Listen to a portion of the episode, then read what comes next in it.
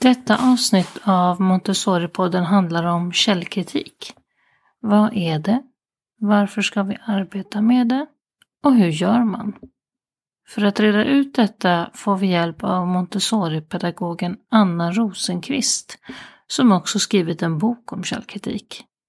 Hon guidar oss genom lämpliga övningar för alla åldrar, från förskolan ända upp till högstadiet. God lyssning!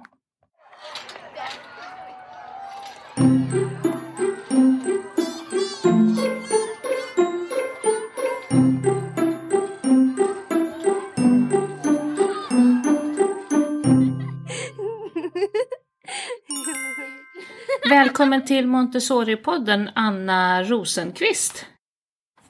Tack snälla. Du har skrivit en bok som heter Källkritik på schemat. Det kritiska tänkandets didaktik. Eller hur? Det stämmer bra. Och det är den vi ska prata lite grann om idag. Eh, men innan vi går in på den så tänker jag att du kan få presentera dig, vem du är och din bakgrund. Ja, Anna Rosenqvist. Jag eh, har arbetat på en Montessori-skola i sju år. Eh, jag eh, läste då Montessori-pedagogik både via Stockholm, Göteborg och slutligen Malmö. Så jag skrapade ihop 60 högskolepoäng i Montessori-pedagogik. Jag fick då ansvar att utveckla Montessori-pedagogiken på högstadiet på skolan där jag arbetade. Jag blev förstelärare så jag hade också ansvar för att utveckla källkritiken, eh, ett ämne som vi valde att lyfta in. Och jag arbetar också mycket med internationaliseringsprojekt. Efter sju år så flyttade jag med min familj till Shanghai det var precis efter att den här boken eh, hade släppts. Och det var ju väldigt spännande att flytta till ett land som Kina när man har skrivit en bok om källkritik. Ja. Så det, det var, det, hade, det, det pratade jag inte högt om. Så den boken hamnade nere i byrålådan. Ah. Eh, tills jag nu då tre år senare kom hem. Då plockade jag fram den igen. Vad gjorde du för någonting i, i, i Kina, i Shanghai? Berätta om det. Där arbetade jag dels på en eh, brittisk internationell skola som klass 5-lärare. Eh, och den, det, var, det gjorde jag på samma premisser som, som alla andra lärare, även om jag inte hade engelska som första språk. Eh, men jag undervisade i samtliga ämnen på engelska i ett år och kan väl säga att allt det jag hade med mig från min, alltså min Montessori-erfarenhet och mitt sätt att se på pedagogik vändes upp och ner. Mm. Um, även för mina barn som har gått Montessori hela vägen ja. hamnade ju här uh, och det blev verkligen en, uh, en chock. Uh, vi tog oss igenom det. Jag fick sedan ett arbete som svensk lektor på ett eh, universitet i Shanghai där jag jobbade ett år. Undervisade i svenska som andraspråk, 15 eh, kinesiska studenter som av någon märklig anledning hade valt just svenska som deras eh, huvudämne. Så det, det, det var vad jag gjorde. Och nu är du tillbaka i Sverige och då har du valt att inte komma tillbaka till att undervisa elever längre, utan vad gör du nu? Nu arbetar jag faktiskt väldigt mycket med digitalisering. Mm. Eh, digitaliseringen i klassrummet, hela den här resan, skolors digitaliseringsresa eh, hjälper jag till att implementera. Eh, och jag känner att jag kan koppla ihop det rätt mycket med min montessoriska bakgrund faktiskt. För jag har ju fortfarande mitt min, min, min, mitt sätt att tänka och det jag tror på och brinner för finns ju, ligger ju i Montessori. Så att det är jättespännande och det finns massa möjligheter att kombinera det här. Jag eh, arbetar då på ett företag som heter Foxway Education som processledare mm. och föreläser mycket om, eh, om eh, dels Lgr 22 men också med huvudfokus på mina, mina ämnen då. Mm. Men även om hur man kan arbeta med iPads i klassrummet eller vilka är de senaste apparna eller hur kan man eh, utveckla eh, diverse saker. Så det är väldigt, väldigt brett. Mm. Och det, vi backar då till det arbetet som ledde fram till den här boken så kom ni fram till att ni behövde lyfta in källkritik på schemat som ett ämne. Hur gjorde ni då? Ni kom fram till ett eget ämne, ämne så att säga, eller hur? Det började med att jag, jag var faktiskt föräldraledig under tiden och eh, skolans eh, huvudman, det var en styrelse med föräldradriven styrelse som eh, tyckte att eh, vi behöver lyfta in källkritiken i skolan. Så då valde de att förlänga eh, högstadieelevernas kursplan med en timme i veckan med specifikt undervisa i källkritik. Mm. De valde också att döpa det här ämnet till brus som skulle stå då för bedöm, reflektera, utforska och skatta. Eh, under tiden som jag var föräldraledig så frågade de mig om jag ville skriva kursplanen och innehållet i, i det här ämnet. Då. Så då gjorde jag det och sen när jag kom tillbaka så, så blev det liksom min bebis på något sätt. Så att jag undervisade och fick bygga upp allting från början. Mm. Det var jättespännande att få så stora, alltså enorma möjligheter att få göra lite vad jag ville mm. inom ramarna. Um, men då insåg jag också att jag saknade jag saknade liksom inringade områden. Så det var så jag började. Jag började fundera på vilka olika områden kan man ringa in här? Vad är, vad är källkritik? Hur kan jag jobba med det i mitt eget klassrum för mm. de här eleverna som är framför mig och på en Montessori-skola? Um, och så tyckte jag också att det där var väldigt spännande för att det, det, för, det rymmer så mycket. Um, och då um, blev det så att jag skrev ihop en synopsis och kontaktade olika förlag. Och så fick jag napp med Liber. Mm. Uh, och då Eh, kontaktade jag en forskare eh, som heter Stefan Ekekrans som arbetar på Stockholms universitet och frågade om han vill göra det här tillsammans med mig. Han har liksom den tunga akademiska Precis. Delen i boken så att boken har, eftersom att boken har båda delarna, dels hans teoretiska akademiska samtidigt som att det finns mitt lärarperspektiv, mm. det här hur som, som jag upplevde när jag gick på lärarhögskolan, att det var det som jag så alltid vara ute efter. Vad är det exakt? Vad ska jag göra när jag kommer in i klassrummet? Jag måste ha mitt hur. Ja, och, och jag, jag, tycker att det är väldigt bra upplägg därför att då många som du säger lärare kanske skippar den här första delen som, som är lite mer filosofisk och går bara rakt in på de här huren.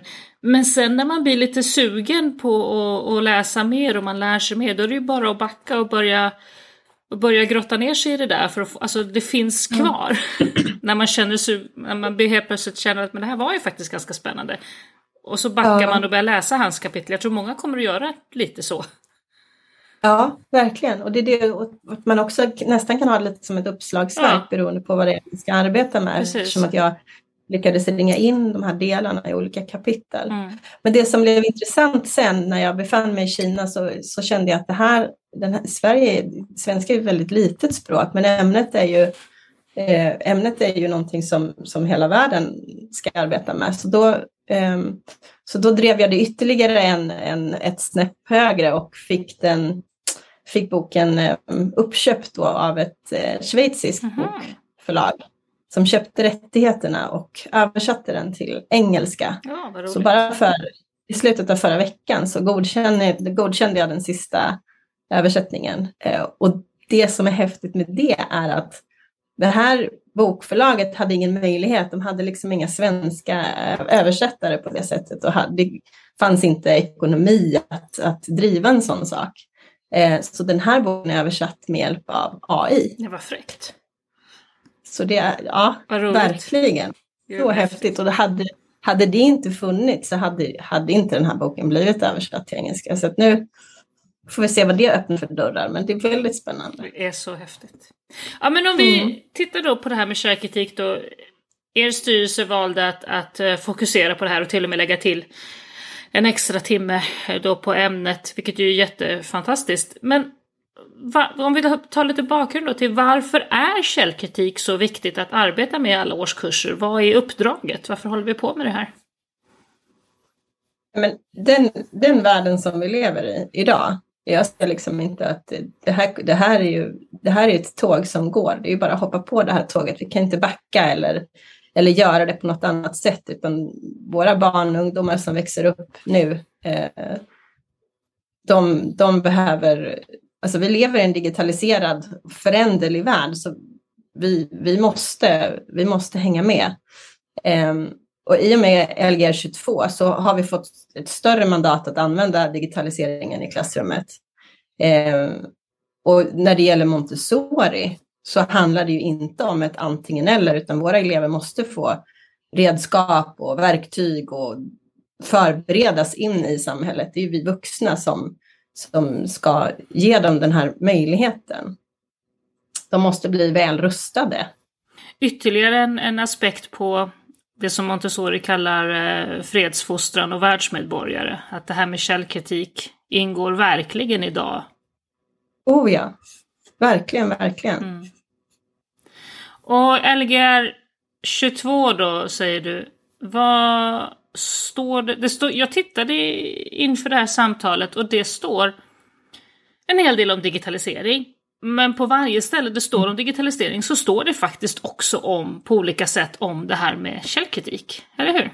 Mm, mm, det gör det. I, I kapitel 2 i Lgr 22 så står det att alla, alla i skolan eh, som arbetar med normer och värden ska också prata om möjligheter och risker som den här ökade digitaliseringen medför. Så det är inte bara möjligheter utan det är också risker. Att man ska kunna prata om det i, i klassrummet. Mm. Och att, det ligger, att skolan har ett ansvar att alla elever ska kunna använda digitala verktyg för kunskapssökande, för informationsbearbetning när de slutar grundskolan. Det är så otroligt tydligt. Det finns inget, det finns inget, ingen liksom, tolkningsutrymme i detta, utan det är det här som krävs. Det står också att de ska ges möjlighet att utveckla då ett kritiskt och ansvarsfullt förhållningssätt till digital teknik för att kunna se möjligheter och sen framförallt den här då förstå risker och kunna värdera information. Mm. Mm. Och jag, jag kan tycka att det här, det här är så otroligt spännande. Det är många som, jag vet när, när jag, när jag eh, skrev boken eh, så så tyckte jag att det var jätteroligt för att man kan samarbeta eh, väldigt mycket i det här. Mm. Jag samarbetade supermycket med SO-läraren, historieläraren på skolan där jag jobbade. Eh, och eh, vi pratade, vi, ja, då eh, så upptäckte jag Riksarkivet, mm. vilket är en riktig skattkista. Och då gjorde vi det tillsammans Ehm, där man liksom kan ehm, läsa och, och, och, forska lite om, om personer som man kan följa och gå tillbaka. Och de har färdiga lektioner eh, kring, kring det här. Eh, och det var ja, så roligt. Och när man är två lärare som kan göra det tillsammans, man, eh, man utvecklar någonting ihop och planerar det ihop. Annars så var den här skolan som jag arbetade på var ganska liten, mm. så att jag var den enda läraren i svenska och engelska. Så det här blev ju jätteviktigt för mig um, och för de andra, för att vi var liksom verkligen bara en på varje, en, för, en i varje ämne. Mm. Så att, och, och så, så upplever jag att många Montessori-skolor kanske är lite mindre och jag tror att det kan vara vanligt att det är att det kanske ser ut på det här sättet, men, men just att man använder varandra när, när man arbetar med källkritik så gynnar det eleverna. Okej, okay. ska vi bli lite praktiska då? Eh, nu vet vi att källkritiken är jätteviktig eh, och framförallt i dagens samhälle så är det ju en viktig kompetens i för våra barn och framtida världsmedborgare. Om vi börjar med de allra yngsta då. Hur skulle man kunna mm. jobba med källkritik i förskolan? Alltså jag, jag tänker spontant sagor. Eh, man kan, man kan läsa sagor. När, eh, jag föreläste för några år sedan och då hittade jag en bok som heter Herr Peabodys äpplen.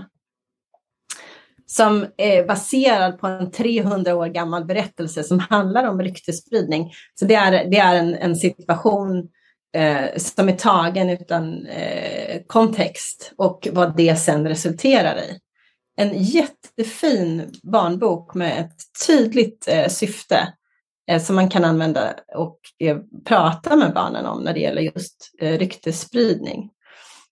Eh, det finns också en, en, annan bok som jag, som jag eh, tycker mycket om, heter Sov gott av Therese Bringholm och Inger Käris och Lena Forsman. Det är lite av en faktabok som handlar om hur djur sover. Um, och där finns det en del visste du att som man också kan prata med barnen om ur ett källkritiskt uh, perspektiv. Barnen kanske har egna visste du.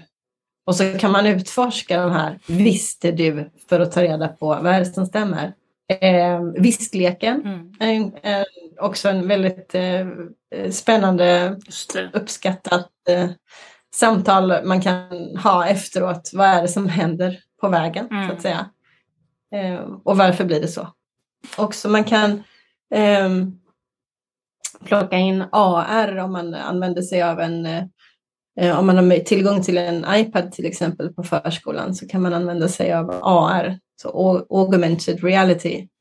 Eh, det finns om man till exempel eh, går in på, på om man Google söker så kan man söka på djur. Mm. Nu finns inte alla djur men väldigt många. Till exempel hund. Så att man kanske läser en saga om en hund och så kan man plocka in så kan man plocka in en hund i rummet mm. som existerar, som finns där, som man kan gå runt och kika på, mm. just för att få den här känslan av eh, ytterligare ett, mm. en nivå. Mm. Eh, och sen kan man ju ta skärmdumpar och så kan man ju prata om vad, vad är det här, liksom, vad händer och visa vad, hur lätt det blir att plocka in en hund någonstans där hunden kanske aldrig existerade från början mm. och visa den och på så vis komma in på, på eh, bilder i, i, och vad man kan göra och hur man kan redigera det här. Och lite senare i boken med de skolbarnen så skriver de det här med att para ihop eh, upphovsmän med, med verk och så vidare.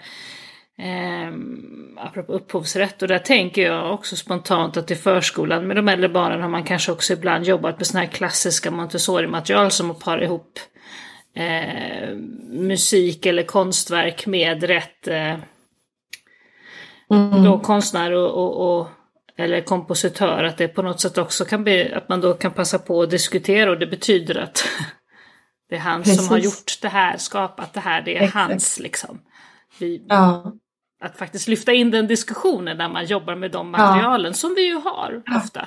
Ja, mm. verkligen.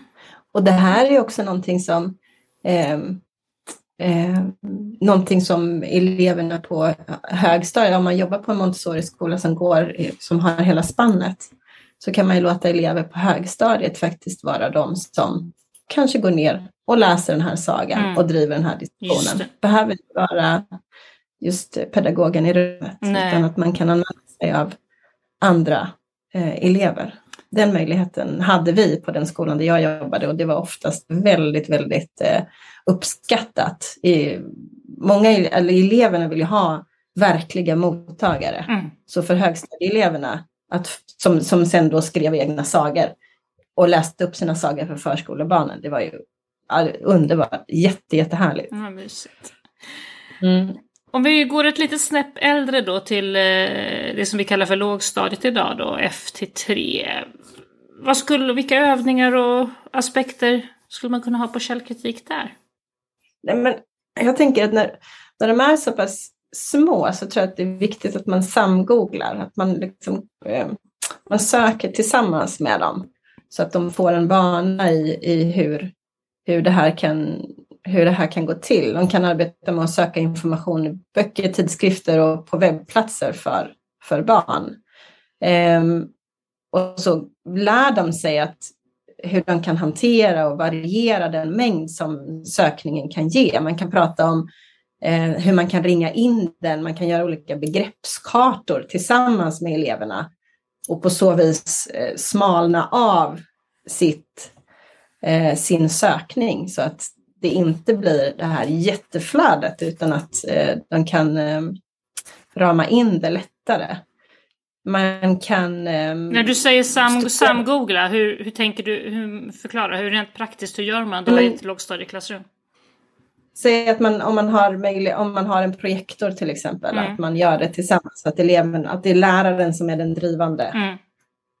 Eh, men att eleverna följer med och att man gör det tillsammans. Mm det är, eh, Det är viktigt. Ju äldre de blir, desto mer självgående ska de ju vara i det här. Sen när de slutar grundskolan så ska de ju ha med sig detta så att det blir som en, som en trappa nästan.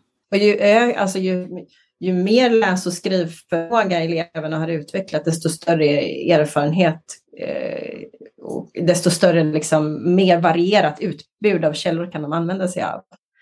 När de går på mellanstadiet kan det handla mycket om intervjuer och eh, andra söktjänster på, på nätet. Mm. Eh, så att eleverna inte bara stannar vid vad som står i, om man nu använder sig av en lärobok, utan att det här är ju eh, ett, eh, mycket större än så. Jag såg ett, ett tips du hade där som apropå det här med fuska med bilder och prata om green screen för förskolan, det här med titthålsbilder. Det tyckte jag verkade mm. också, det blir lite grann på samma sätt att värdera, ja. beskriva vad är det för någonting? Jo, nej, men jag tänker att man då kan samarbeta med en bildlärare till exempel och att man, eh, man kan eh, göra som små, som man har en bild och sen så plockar man ut en liten del av den bilden. Eh, och så blir det som ett litet nyckelhål nästan. Och så kan eleverna fundera på vad, vad är det här, vad är det jag ser? Mm. Eh, och liksom dra förutfattade meningar kring vad, vad är det här? För att sen då eh, visa hela bilden. Mm. Det finns ju massa eh, finns en hel del bilder på, på nätet som, eh, som jag också nämner i boken, men där man kan hitta om man, man, det är väldigt inzoomat mm. så kanske man ser en person som står och pratar och så ser man att det är jättemånga som står bakom. Men så zoomar man ut den här bilden så ser man att nej men det var ju inte jättemånga, det var ju bara sju personer, de som man såg på första men ögat lurar en. Sånt kan man också jobba ganska mycket med. Mm när eleverna blir, blir äldre. Mm. En annan grej som jag tycker är jätteviktig, det är ju det här med planeringen, att eleverna de driver sin egen planering och ansvarar för sin egen eh, veckoplan. Mm. Det kan man ju göra i, om man, använder, om, man har, om man har Chromebooks på skolan så kan man göra det i Google Keep, att eleverna gör egen veckoplanering där. Mm. Delar den med sin lärare så att på så vis får man in ett digitalt verktyg som eleverna kan lära sig. Eh, men där man också kan följa och supporta och hjälpa till. Okej, lågstadiet, vi pratade om samgoogling och lite bilder och lite annat. Eh, när de blir lite äldre, mellanstadiet, hur kan de jobba med några förslag på källkritiskt arbete där? Nej, men jag tänker att när de, när de går i 4 till 6 så ska undervisningen behandla hur man jämför källor och prövar deras tillförlitlighet med mm. ett källkritiskt förhållningssätt. Så det kan ju vara att man då eh, pratar om, pratar om eh, vilka källor de använder sig av. Eh, jag gjorde med mina elever, vi gjorde en egen liten undersökning där vi eh, ändrade en text på Wikipedia tillsammans. För att se vad som hände med den texten och hur lätt det var att ändra den. Men sen så tog det inte mer än några timmar så hade den ändringen som vi gjort, eh, den var borta. Mm. Eh, men då kunde vi prata lite om hur Wikipedia som, som sida fungerar. Eh, och det blir också väldigt intressant för att man, det är inte alltid att, att eleverna förstår eh, hur, det, hur allting funkar bakom. Jag jobbade också mycket med att bjuda in andra. Nu var ju det här en, en föräldradriven eh, skola, ett jättestort föräldraengagemang. Så då hade man ju som fördel som lärare på den här skolan att faktiskt kunna dra i föräldrar. Vi pratar mycket om sociala medier och kränkningar. Det kan man ju göra på mellanstadiet också. Mm. Eh, de flesta, eller väldigt många barn har ju en, en telefon, en mobiltelefon med eh, diverse appar som de använder sig av. Men det är viktigt att man, att man har det samtalet med, med eh, barnen. Men då, då pratar vi mycket om, om kränkningar och hur många som hade erfarenhet av det eller kände någon som hade varit utsatt för någonting och sådär. Då tog jag in en polis mm. som var en förälder som gjorde det helt på eget bevåg för att sprida sin kunskap och för att eh, komma nära de här barnen. Och de fick ju då ställa en massa, massa frågor. Vi hade gjort, de hade förberett frågor i en liten burk, så jag hade ju faktiskt kollat igenom dem innan. Det var några som inte riktigt passade. Som du sorterade men, ut men, lite grann? Eh, ja, lite måste man göra. Eh, men det var också jättespännande för då, då kunde hon berätta vad det som gäller, vad säger mm. lagen? Mm. Vi, pratade, vi pratade också mycket om det här med eh, algoritmer och sökmotoroptimering och då plockade jag in en kille som kunde prata lite om hur funkar det där med Google och det jag söker på. Varför hamnar det, om jag söker på en resa till Grekland så mina för, fem första träffar är annonsplatser. Varför blir det så? Mm. Vilken, vilken är det då jag ska klicka på om jag vill veta uh, om, om min fråga är hur är liksom, jag vill ha information om Grekland som land till exempel. Um, häromdagen så kom min dotter hem och berättade det var någonting som florerade på TikTok. Uh, och sen hade hon liksom snöt in på det här och tyckte det var lite läskigt. Jag kommer inte exakt ihåg vad det var, men det var någonting man skulle skriva på handleden och så skulle man drömma någonting och så eh, handlade om att man skulle eh, öppna en, en dörr i sin dröm och kom man inte ihåg koden så skulle man inte komma in och så dog man. Typ så var det. Då pratade vi ganska mycket om det här med kedjebrev och sånt mm. som fanns på min tid. Det är ju samma saker fast det är i en modern tappning.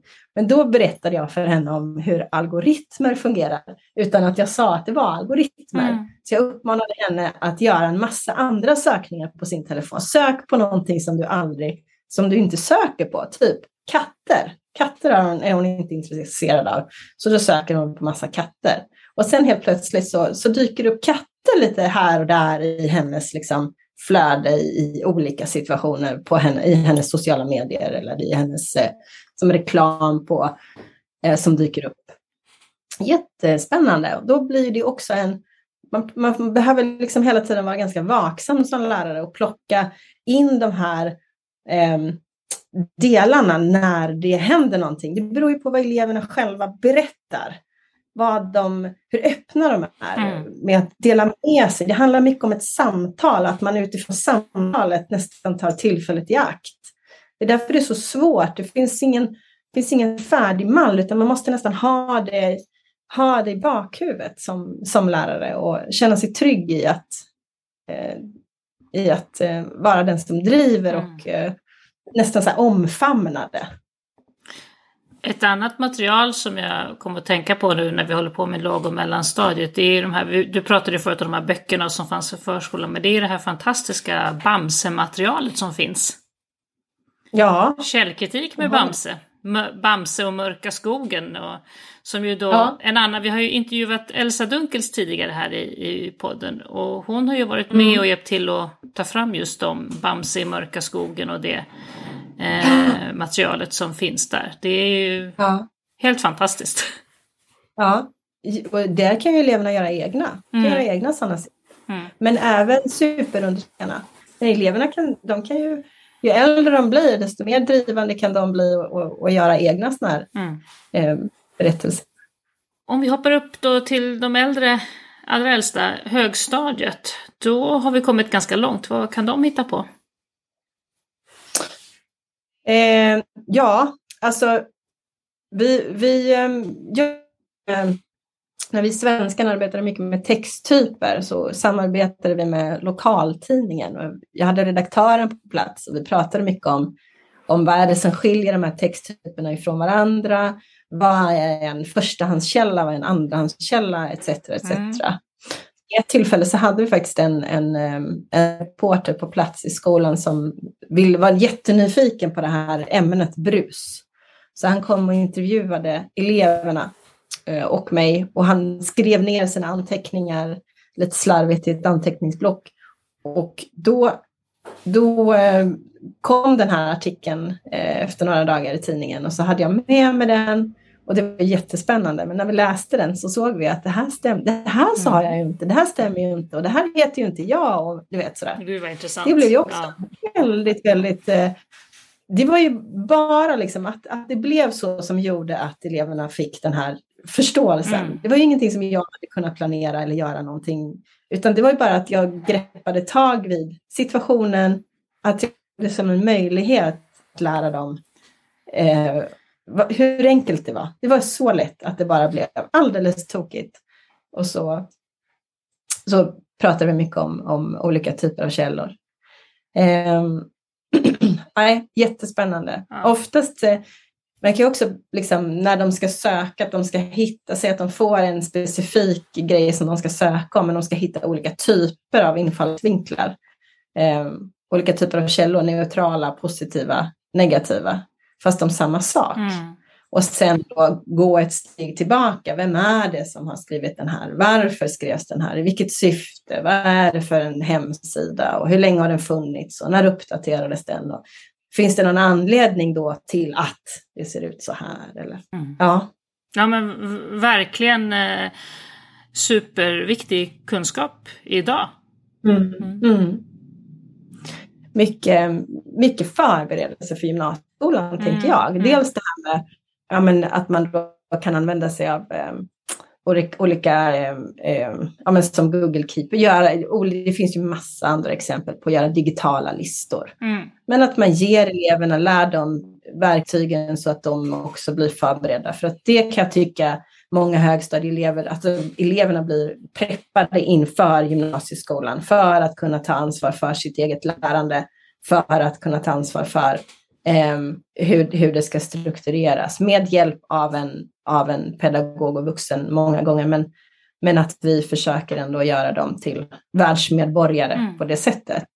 Eh, och då, då tycker jag också att det är eh, att, att de oftast kan få med sig det här och ha nytta av det. Så att man kan ställa, ställa högre krav på eleverna ju äldre de blir för att de sen ska vara redo att komma in på gymnasieskolan. Så jag pratade mycket om plagiering och mm. eh, hur man refererar. Mm. Det kan man göra massa olika övningar med. Det kan ju vara till exempel att eleverna har eh, att de säger att de läser en text eh, om, det kan ju också vara samarbeta med en annan lärare till exempel. De ska läsa en text om andra världskriget och sen så ska de eh, skriva ner några stödord och sen ska de plocka bort eh, texten och så ska de bara titta på sina stödord. Och så kan de skriva om det utifrån stödorden.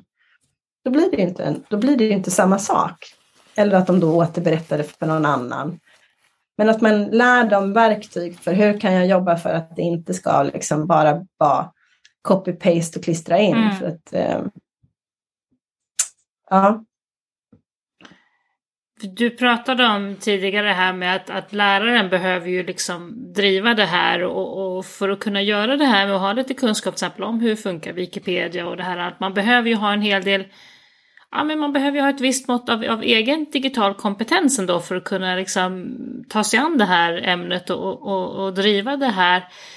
Var ska man börja då om man som pedagog känner sig lite osäker på det här och behöver utveckla sin egen... För jag tänker det är lite grann som med flera andra saker. Men när, om man har bilden av sig själv som att man inte är så värst musikalisk så törs man ju inte ta mm. i musikklockorna med tång. För det verkar ju jättefarligt. Eh, så då får alla andra mm. pedagoger som är musikaliska hantera det. Fast egentligen så är det ju mm. samma sak som rörliga alfabetet liksom. Och jag tänker att det är lite grann mm. samma sak här, att man kan känna att oh, datorer är inte med, det får de an så, nej. Eh, hur, ska man mm. börja, hur ska man ta sig an det här om man känner så? Nej, men man, man, jag, jag, man måste bara, man får kasta sig ut. Jag har, sitter faktiskt här, jag har en, en jätte, eh, jättehärlig bok som heter Kom igång med din iPad. Ja. Eh, som verkligen är så här grundläggande, så här, ett, så här sätter du på den. Mm. Vi, det företaget som jag jobbar på nu, vi har ju, vi har ju utbildningar i just, just sånt här. Hur, hur gör man då eh, för, för totala nybörjare och alla som tycker att det känns läskigt. Det går att, eh, att ta sig an det. Ehm, sen när man är, om man tycker att det är intressant och vill lära sig ännu mer så finns det ju, det beror ju på vad man arbetar med för verktyg, men om man till exempel har, om man använder Mac eller iPads så kan man ju ta eh, Apple Teacher. Det är en mm. gratisutbildning där man får liksom handfasta tips på det digitala vadet och det digitala huret och vad jag då kan göra med mina elever och hur jag kan göra detta med mina elever. Och sen så blir man certifierad. Det har ju, Google har ju också det, sån här Google Learning, någonting vad det heter. Ja men precis. Mm. Mm. Ja, um, och då, då, men man behöver ju, man behöver ju driva det själv. Mm.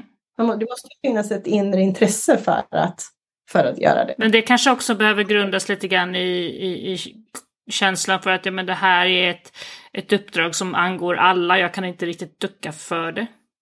Nej, precis. Det går inte att ducka för det. Mm. Det här är, så här ska det vara. Då, då, behöver man, eh, då behöver man ta ansvar.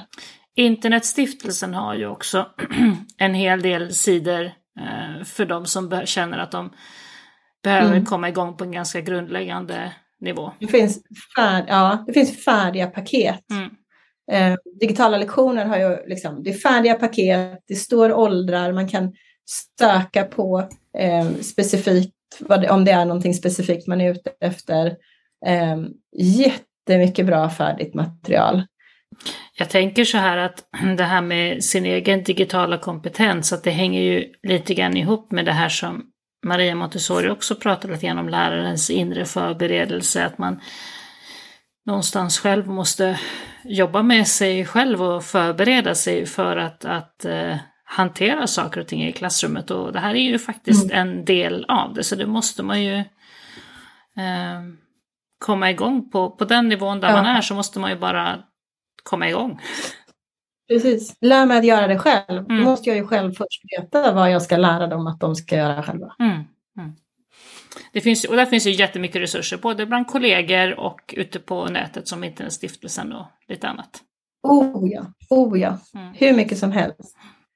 Men jag tänker att man som lärare så måste man vara nyfiken. Eh, man behöver vara orädd. Alltså man behöver det, det, gör, man, det gör ingenting om det blir fel. Man lär sig mm. ju av sina misstag. Det är väl helt underbart att man kan vara en lärare som gör fel. Eh, så visar man ju sina elever att det går alldeles utmärkt. Det blir bra ändå.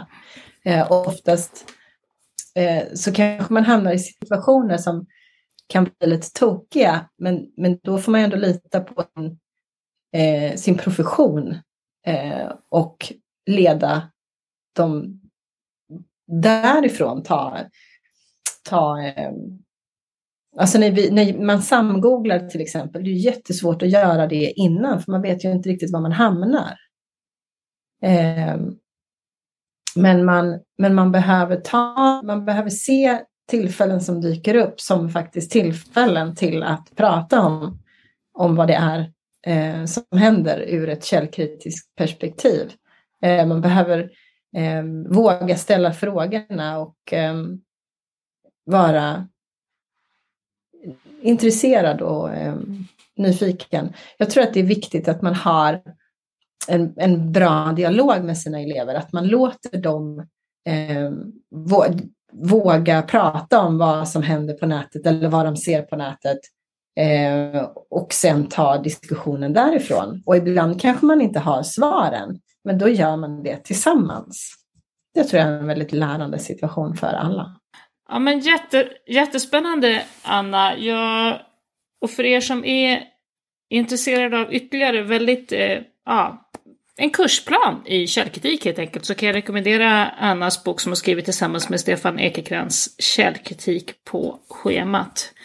Eh, väldigt matnyttig men även med de här den filosofiska bakgrunden för den som känner att de vill gräva ner sig i det. Tack så jättemycket Anna för att du ville vara med i Montessori-podden idag. Tack snälla Maria för att du bjöd in mig.